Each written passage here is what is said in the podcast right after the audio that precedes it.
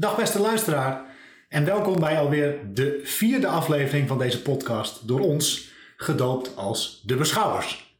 Wie zijn wij? Mijn naam is Wouter Zorg, in het dagelijks leven werkzaam als jurist bij een waterschap en tegenover mij zit de onvolprezene, de onvol, onvolkomende, onvolkorene, de goddelijke kale, de professeur, et cetera, et cetera. Ik uh, zie hem meer als uh, Bassie van Bassie en Adriaan, Rolf Wortlep. Dag Rolf.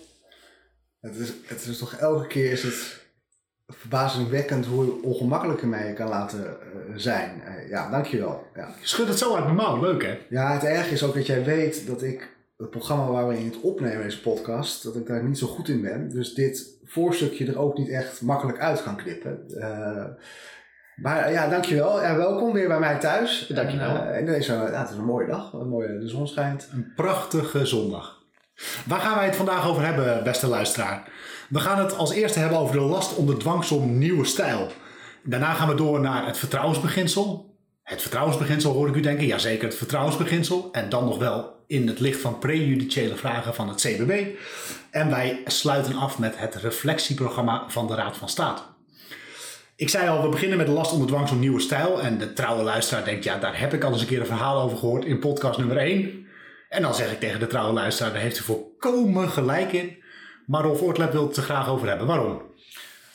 Nou, ik zit even te denken, was het podcast nummer 1 kan ook 2 zijn hoor. Maar ik, uh, het, in ieder geval, we hebben natuurlijk zoveel podcasts opgenomen de afgelopen tijd. Dat, ja, uh, het ja. is uh, gekhuis. Ja, nee, het, het is ironie dat de luisteraar weet het inmiddels. Ehm, nee, je hebt, ja, ik heb een mooie bijdrage gezien van jou en van Tom Duiksloot, oud-collega van ons allebei.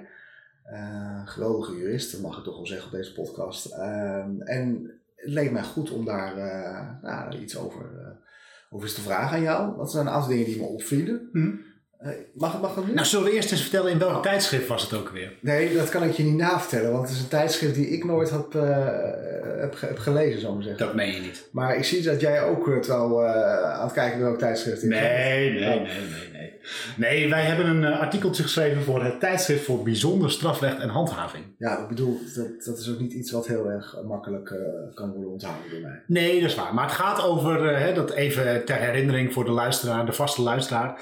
Het ging over een ontwikkeling die wij ontwaren, waarbij de last onder dwangsom eigenlijk steeds meer als bestuurlijk instrument wordt uh, uh, ingezet.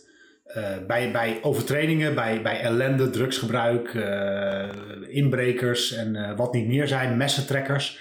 Waarvan je zegt van nou dat is eigenlijk van oorsprong is dat strafrecht. Tenminste dat is mijn gevoel erbij. En je, je ziet een ontwikkeling, tenminste wij zien een ontwikkeling en die beschrijven we in dat artikel. Waarbij dat dus steeds meer richting het bestuursrecht getrokken wordt, meer specifiek naar de, de last onder dwangsom ter voorkoming van herhaling. En uh, nou, daar hebben we een stukje over geschreven, over die ontwikkeling en hoe lang die ontwikkeling al gaande is. En wat wij daar ongeveer van vinden en wat de afdeling daarmee doet en wat, wat wij daar dan weer van vinden. En daar viel jou iets aan op, kennelijk. Ja, meerdere dingen. Allereerst, uh, nee, ik vond het een mooi artikel om te lezen. Dank je. Dat, dat is weer het WC Eend, maar ik ja. ben dan de andere WC Eend die dat mag zeggen volgens mij. Uh, en het gaat ook over Tom, dus dan zeg ik het zeker. Zeker, ik, ik ga dat volgende week als we op de golfbaan staan nog een keertje vertellen. Sorry, ja. Uh, goed. ja, golven is als knikkeren voor mensen die niet willen bukken, hè? dat weet je. Um, even kijken. last onder dwangsom, wat wil ik nog vragen? Ik ben me steeds van me afgekomen. Nee, je hebt het steeds over last onder dwangsom nieuwe stijl. Ja. Kan je daar iets over vertellen over nieuwe stijl? Want ik, ik, ik, ik hou er natuurlijk wel bij, maar mm -hmm. ik ben nog niet die terminologie gekoppeld aan last onder dwangsom tegengekomen. Nee, omdat we die zelf verzonnen hebben. nee, ja, goed, kijk, het, is een beetje een arbitraire discussie. Dus, dus wat, wat constateren wij in dat artikel? Waar hebben we het ook wel eens eerder over gehad? We constateren, constateren dus die ontwikkeling van een openbaar bestuur dat wat wil. Een strafrechtketen die vastloopt, die niet effectief is, waar ja, dingen heel lang duren als al opgepakt worden. En een openbaar bestuur dat zegt wij hebben hele praktische problemen gerelateerd aan met name openbare orde kwesties wij willen kunnen optreden. En toen heeft men op een goed moment bedacht, en wij hebben dat teruggerelateerd naar een artikel van Schilder en Brouwer uit, nou ja, 2000, weet ik veel hoeveel, jaren 15 geleden, waarin zij zeiden van weet je wat je zou moeten doen met raddraaiers tijdens de jaarwisseling? Als je nou weet wie dat zijn, leg die nou een last onder dwangsom op ter voorkoming van herhaling. En dat hebben wij eigenlijk als startpunt uh, genomen. Misschien dat het ook nog wel wat verder teruggaat, maar die gedachtevorming in ieder geval daar was heel duidelijk in een NRC opinierend artikel. En dan hebben we hem van daaruit hebben we hem van wat gebeurt er dan vervolgens.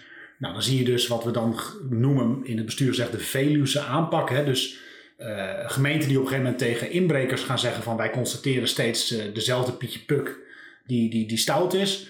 Wat gaan wij doen? Wij gaan in de APV een bepaling opnemen die zegt het is verboden om inbrekerswerktuig mee te nemen. En wij gaan dan op het moment dat jij gepakt wordt een last onder dwangsom ter voorkoming van herhaling opleggen. Waarbij de politie eigenlijk een veel makkelijker haakje heeft om op het moment dat die inbrekerswerktuigen worden aangetroffen, gelijk bam die last onder dwangsom te effectueren. Nou, die ontwikkeling gaat door naar drugsdealers. Die ontwikkeling is recent, uh, een jaar of anderhalf geleden, uh, richting Rotterdam doorgedrongen. Maar bij Rotterdam zijn we hebben problemen met messentrekkende jeugd. En daar willen we tegen optreden. En, en Abu Talib heeft vervolgens het instrument bedacht van een last onder dwangsom ter voorkoming van herhaling. Die hij oplegt aan de ouders van minderjarige kinderen. Um, en dat hebben wij, dat geheel, hebben wij dan genoemd een last onder dwangsom nieuwe stijl. Als een soort van nou ja, gedachteprikkel, gedachte-exercitie van hey, is dit nou niet wezenlijk iets anders dan wat de last onder dwangsom van oudsher was, namelijk nou ja, meer bestuursrechtelijke overtredingen eigenlijk, hè? De, de illegale bouwwerkjes om maar eens wat te noemen. Uh, dus we hebben die nieuwe stijl hebben een beetje gepitcht. Dus dat je die niet tegen bent gekomen is niet zo gek. Maar dan, even, toch, omdat ik een beter door heb, de, de, nieuwe stijl zit er dan in dat op gedraging waar vroeger dus meer het strafrecht zou worden gebruikt, dat er nu last om een dwangsom uh, wordt ingezet. Ja. Dat is op zichzelf toch niet, niet, niet heel nieuw. Mm, nou, zeg ik om te prikkelen natuurlijk. Ja, nee, nou dat, dat ben ik dus niet met je eens. Dus, uh, of laat ik het anders zeggen, dus die geschiedenis gaat al redelijk lang terug.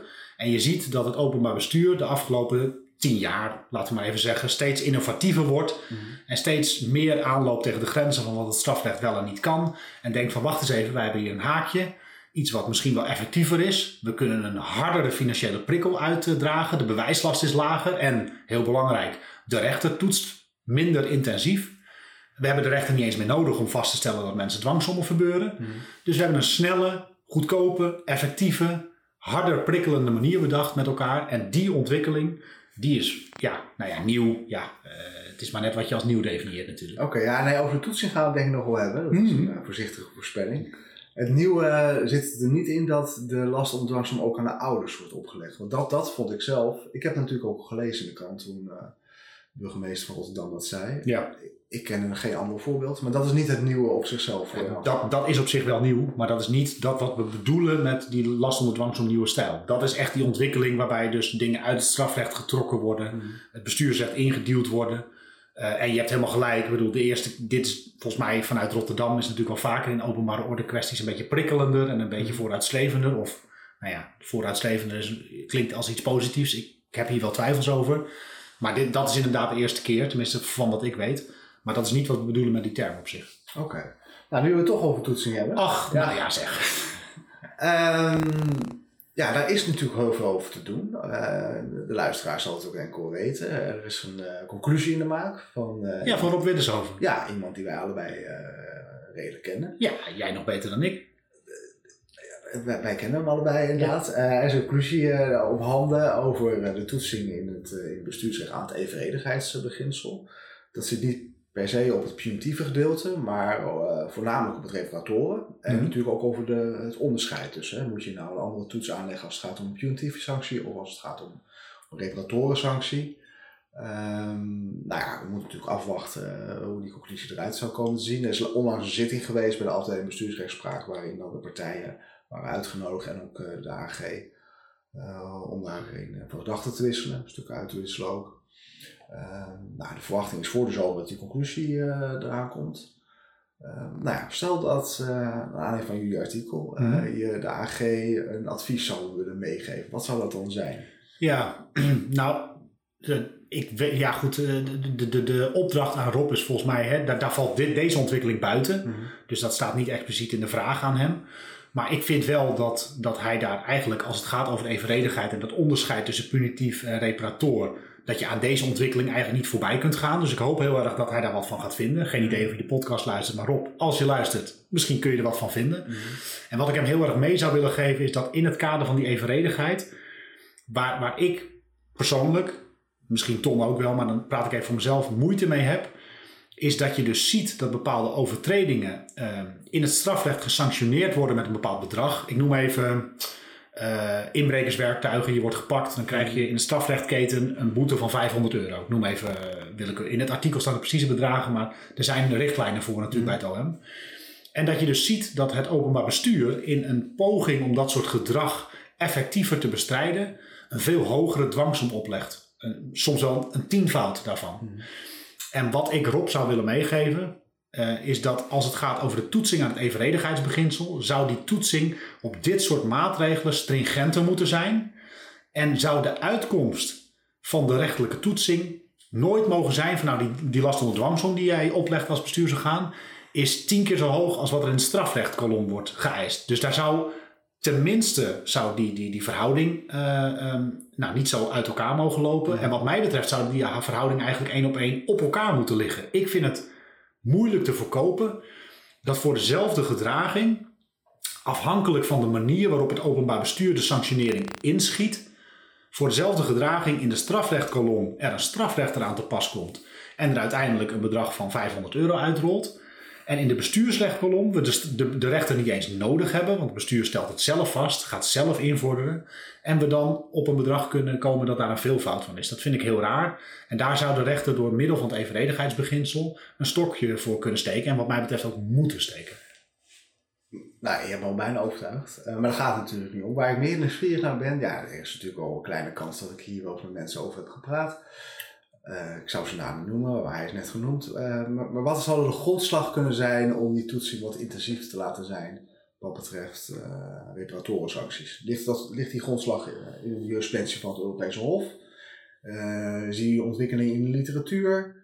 Ja, dus, dus in het artikel hebben we het aan de Engel-criteria opgehangen. Mhm. Dat gaat dan over de aard van de overtreding en de hoogte van de sanctie. Dus het, het Europees Hof kijkt daarnaar, naar die twee aspecten. Mhm. En ja, afhankelijk van de inkleuring, het is nog nooit voorgelegd, expliciet deze situatie. Dat zou ons wel heel interessant lijken. Ook al wordt het dan casuïstisch getoetst.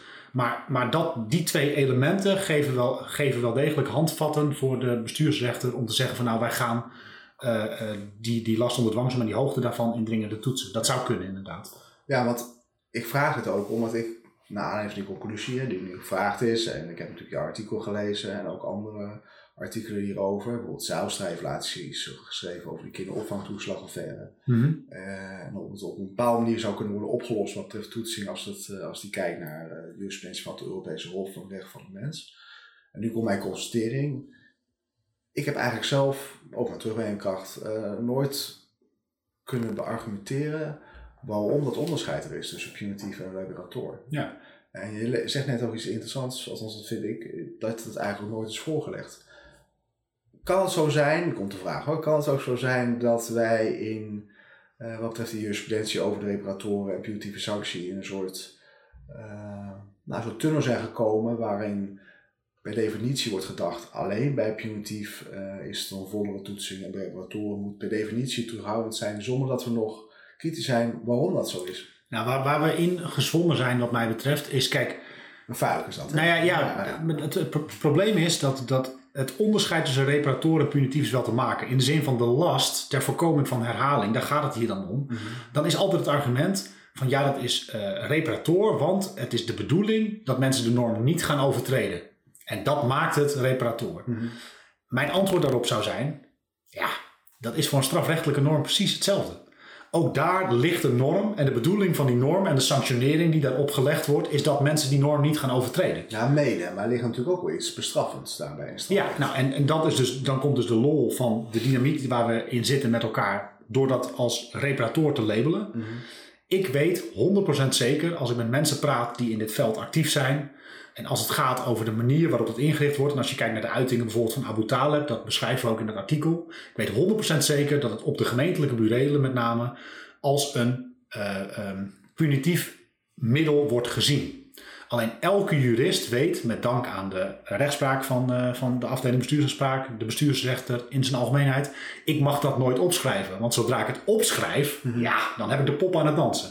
Dus wat we met elkaar aan het doen zijn, is een soort van papieren exercitie we houden dus een systeem in, in, in werking en in, in, in de lucht. Terwijl we eigenlijk met z'n allen wel beter weten.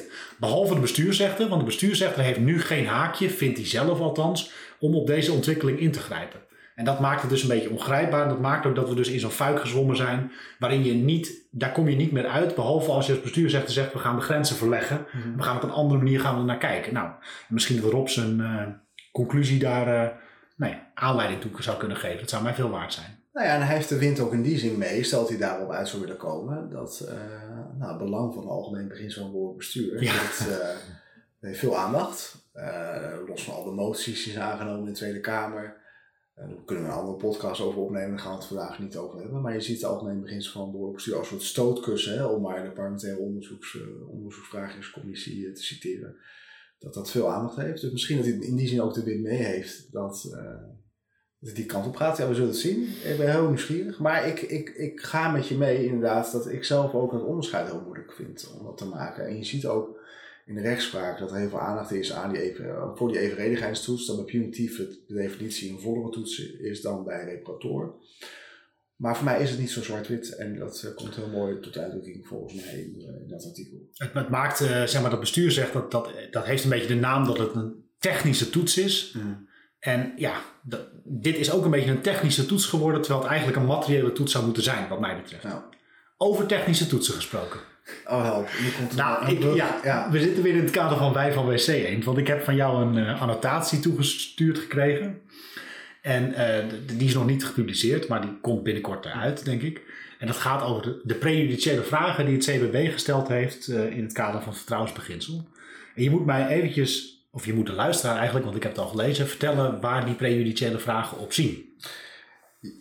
Ja, het is één prejudiciële vraag. Sorry, uh, ja. het is, nee, het is van het College van Beroep voor Bedrijfsleven. En dat is een uitspraak van 22 december 2020 uit mijn hoofd. Dat, zou ook wel kloppen.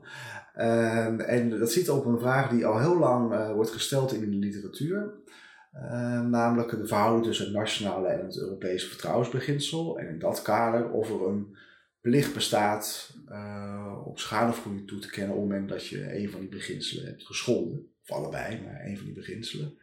En de discussie, heel kort, is uh, op het moment dat het gaat om uh, directe toepassing van het Europees recht. Dat houdt eigenlijk in dat op Europees niveau in de verordening het heel erg dichtgetimmerd is. hoe je subsidie moet verstrekken, mm -hmm. steun moet ik eigenlijk zeggen, steun moet verstrekken, hoe je dat moet terugvorderen.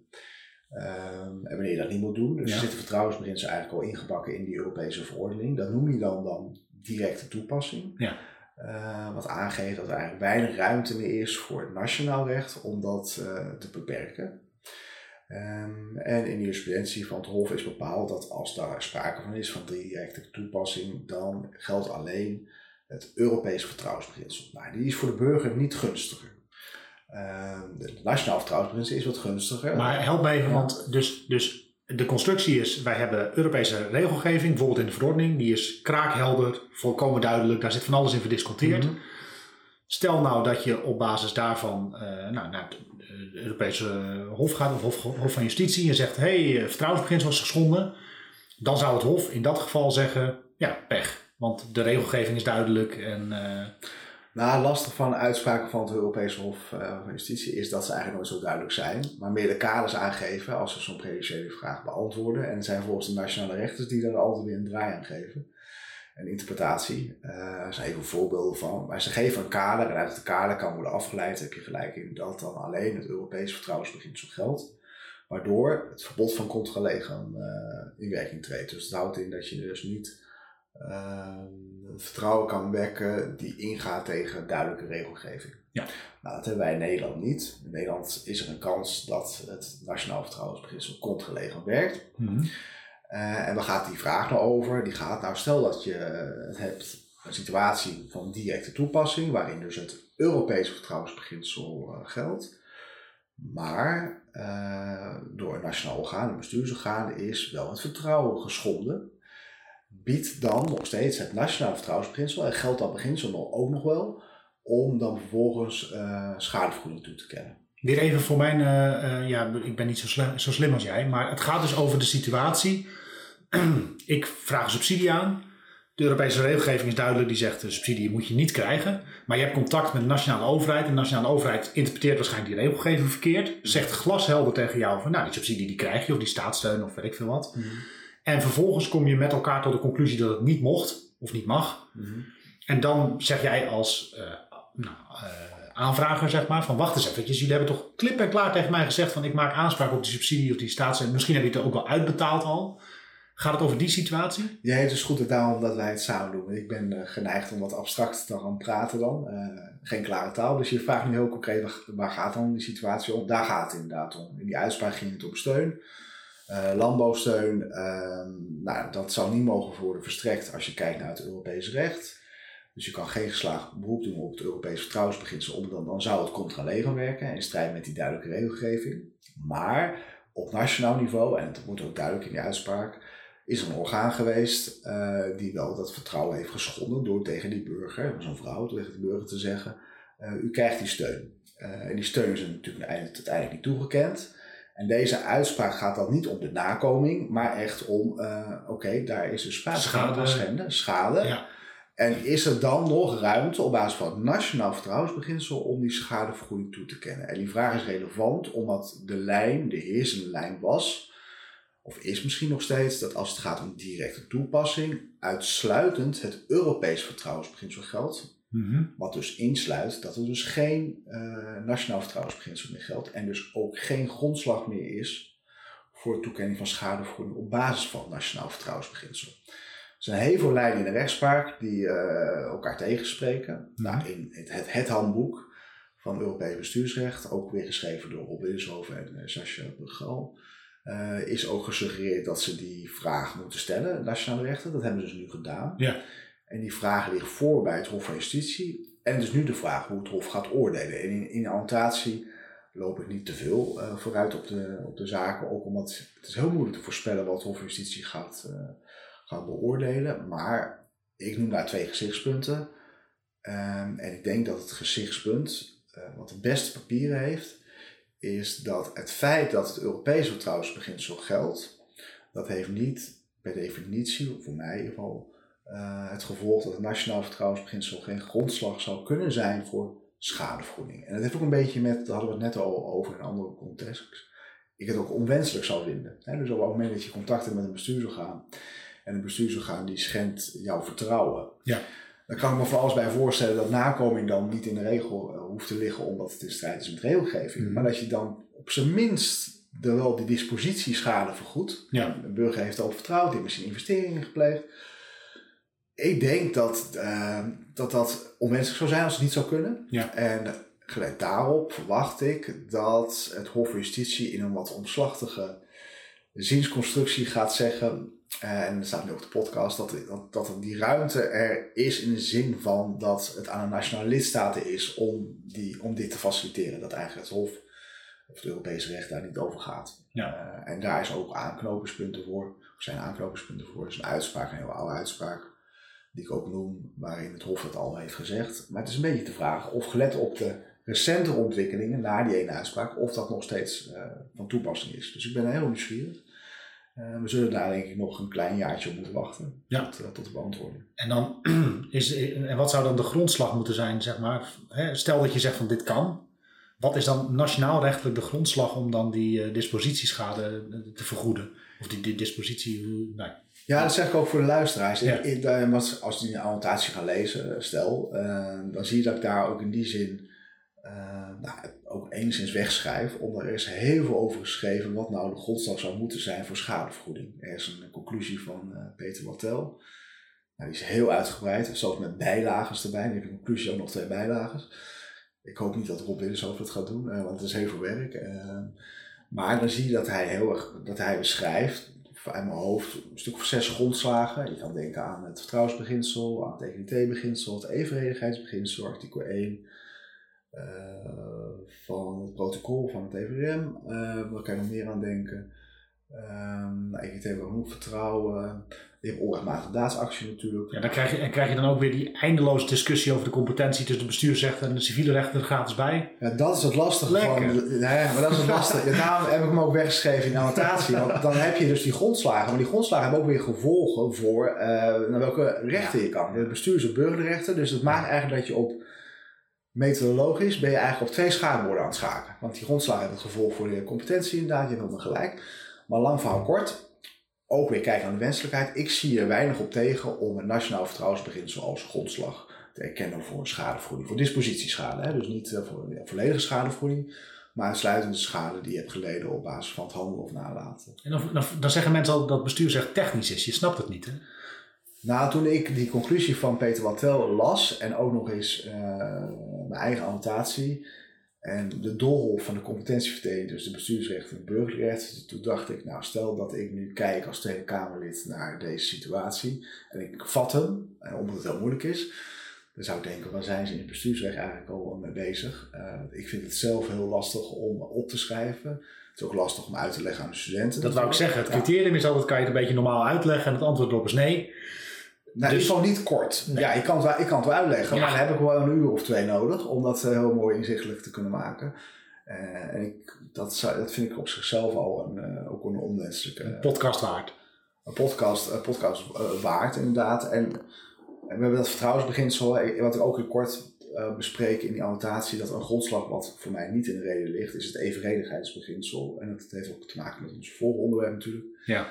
Eh, of het equité-beginsel. Wat, wat er ook een beetje achter zit, is dat als je schadevergoeding zou toekennen op basis van het evenredigheidsbeginsel, 3-4 dus, of het equité-beginsel, eh, die grondslag bestaat bij de gratie dat je ruimte hebt eh, voor een belangenafweging. Anders gezegd, als er sprake is van een gebonden bevoegdheid, precies. En zoals dat in dat geval zo is. Hè? Het is dicht gereguleerd en dus is, is het een gebonden bevoegdheid. Ja, dan verzet een wettelijk voorschrift Ja. zich tegen een belangenafweging. En dan is er ook geen ruimte voor schadevergoeding op basis van het evenredigheidsbeginsel. En in de jurisprudentie is door de afdeling, eh, ik weet niet of dat nog steeds vaste jurisprudentie is, althans voor mij, bij mij weten wel, is dan ook geen grondslag op basis van het equité-beginsel, omdat er sprake is van een gebonden bevoegdheid. Dus eh, ook in dat licht zou ik zeggen dat het nationaal vertrouwensbeginsel een grondslag kan zijn voor, voor schadevergoeding. En zo hebben we ook een beetje de, al pratende de rode lijn terug van eh, Ja. het onderwerp evenredigheid, nu het evenredigheid, of dat een grondslag zou kunnen zijn voor schadevergoeding. Ehm, ja, het is, ja, het is een heel belangrijk beginsel de laatste tijd, althans het is heel erg... eh, Nou ja, het, het, het haakt een beetje aan op het laatste onderwerp waar we het over gaan hebben. Namelijk, hè, het, het is ook in, bij de kinderopvangtoeslag speelde het natuurlijk een rol. En eh, nou ja, wij, wij we hebben daar volgens mij vorige podcast ook over gehad, over die kinderopvangtoeslag. Ehm, er is door de afdeling gezegd, eh, hè, wij hebben de opdracht meegekregen, of wij vinden in ieder geval zelf dat we moeten reflecteren op, ons eigen, eh, ja, op onze eigen werkwijze in die kinderopvangtoeslagaffaire.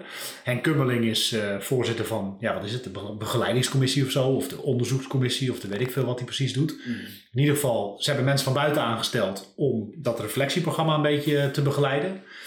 Ehm, ik begreep van jou net dat jij ook ergens een soort van marginale rol in die reflectie mag gaan spelen. Wat ga je, wat ga je doen?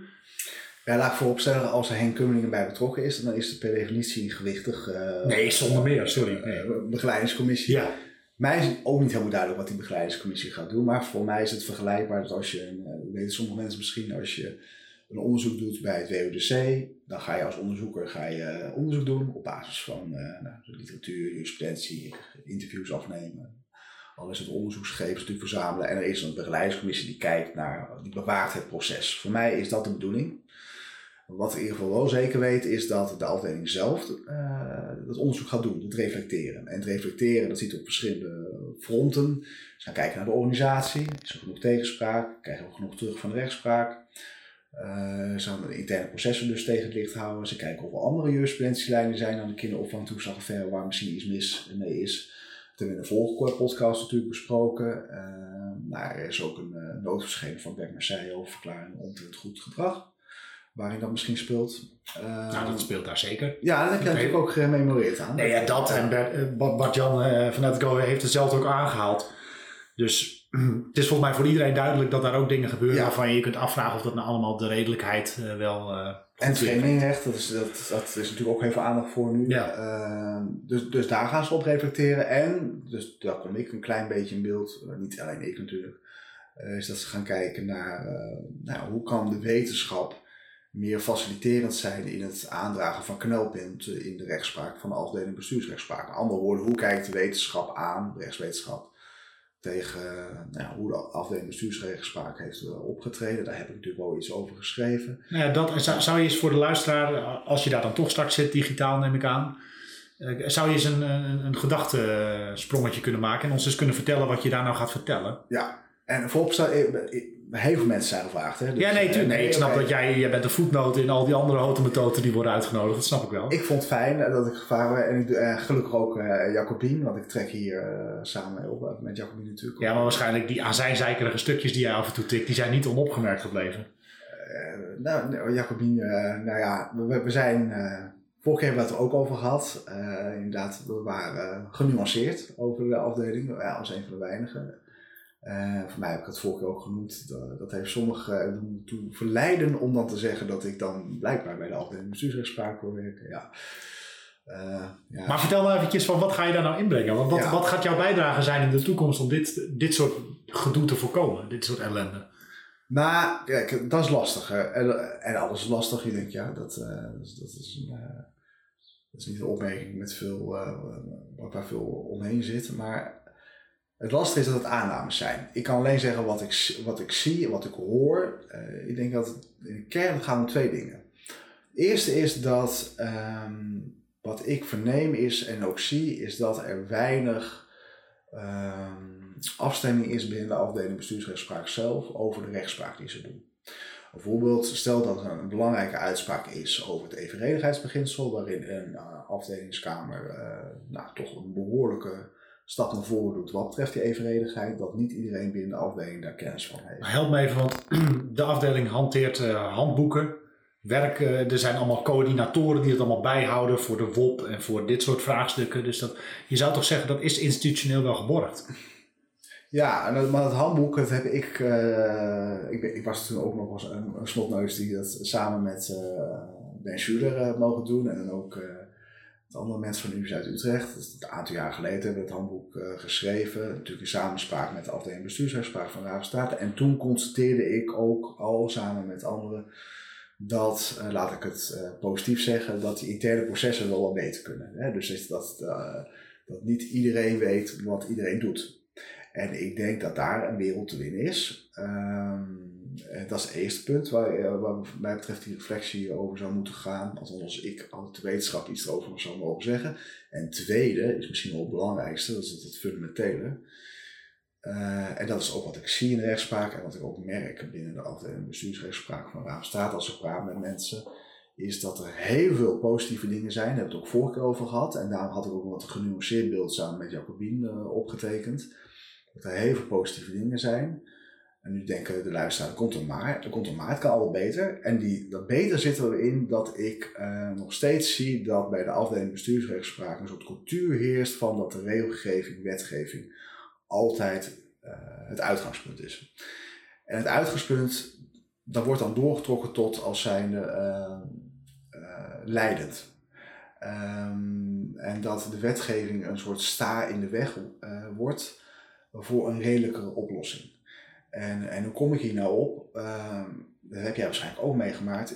Na aanleiding van de kinderopvangtoeslagaffaire ben ik ongevraagd door verschillende civilisten aangesproken van ja, als het bij de Hoge Raad was gekomen, dan was het nooit zo ver gegaan, die kinderopvangtoeslagaffaire. Omdat de civiele rechter veel meer uitgaat van het startpunt. eh, je kijkt naar een redelijke oplossing. Dus regelgeving is belangrijk, wetgeving is belangrijk.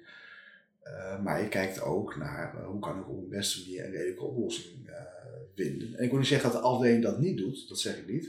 Alleen ik denk dat ze nog te veel gebonden zitten aan, de, aan die wetgeving. En ik denk dat ze daar wel meer van zouden kunnen loszingen. En ik zie ontwikkeling dat ze dat doen, maar ik denk dat dat beter zou kunnen. En het zit dus ergens in het DNA nog van de afdeling, denk ik. Zou, zou het nou, want ik, ik, ik herken die constatering van jou wel, maar, maar zou het er niet ook gewoon in zitten in het feit dat als je kijkt naar de bestuursrechter, er ligt een concreet probleem, dat wordt onderkend. dan moet er gezocht worden naar een soort van technische uitleg, een technische oplossing om dan tot een redelijke uitkomst te, te, te komen. Dat gevoel heb ik bij veel van die dossiers. Zou het niet beter zijn op het moment dat de bestuursrechter constateert dit is apert onredelijke uitkomst, dan niet een of ander verhaal via de bandbreedte van het evenredigheidsbeginsel of weet ik, een of ander technisch verhaal, maar gewoon opschrijft.